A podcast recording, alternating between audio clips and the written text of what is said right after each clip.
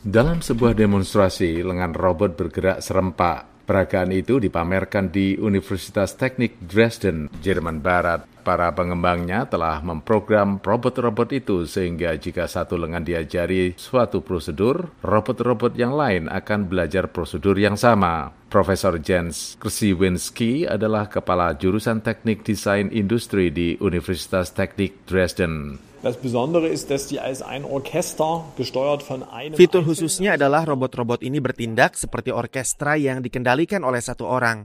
Dan pada saat bersamaan, semua robot ini belajar dalam aplikasinya dan mampu menanggapi satu sistem kontrol tunggal. Itu berarti bahwa robot-robot tersebut dihubungkan dalam jaringan sedemikian rupa sehingga bisa mengembangkan kecerdasan kolektif sebagai sebuah kelompok dan dengan demikian belajar banyak dan lebih cepat daripada yang dapat dilakukan hanya satu robot dan di samping itu robot-robot itu bisa belajar hal-hal yang tidak dikode.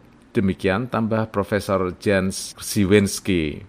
Dresden adalah lokasi bisnis dan sains yang berambisi besar. Aliansi para ahli robot memimpin dalam upaya menciptakan mesin yang mulai digunakan dan mudah diintegrasikan ke dalam berbagai tugas. Sarung tangan dengan sensor terkalibrasi membantu mengajar robot cara menuangkan cairan dari botol untuk membuat koktail misalnya. Teknologi ini dimaksudkan untuk membantu sebagian warga yang paling rentan dalam masyarakat. Dr. Merv Sefank adalah salah seorang peneliti di Universitas Teknik Dresden.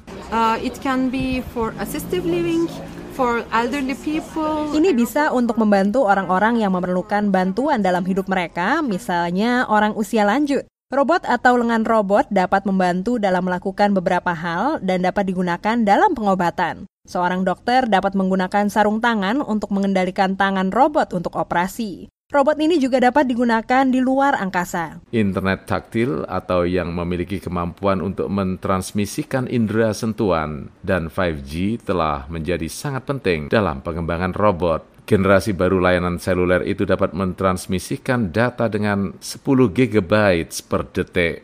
Penemuan ini digunakan untuk mengajari robot tindakan-tindakan yang sangat rumit dengan sangat cepat lewat gerakan trace pen, yakni semacam pen yang digunakan untuk layar sentuh. Maria Pichnik, salah seorang pendiri dan kepala produk di Vanderbilt, mengatakan perangkat itu mendemokratisasikan pemrograman robot. Dengan trace pen, kita dapat menunjukkan kepada robot bagaimana melakukan suatu tugas misalnya. Dan ini adalah alat yang mudah dan intuitif untuk memprogram robot. Dari Washington DC, saya Leonard Triono dan tim VOA.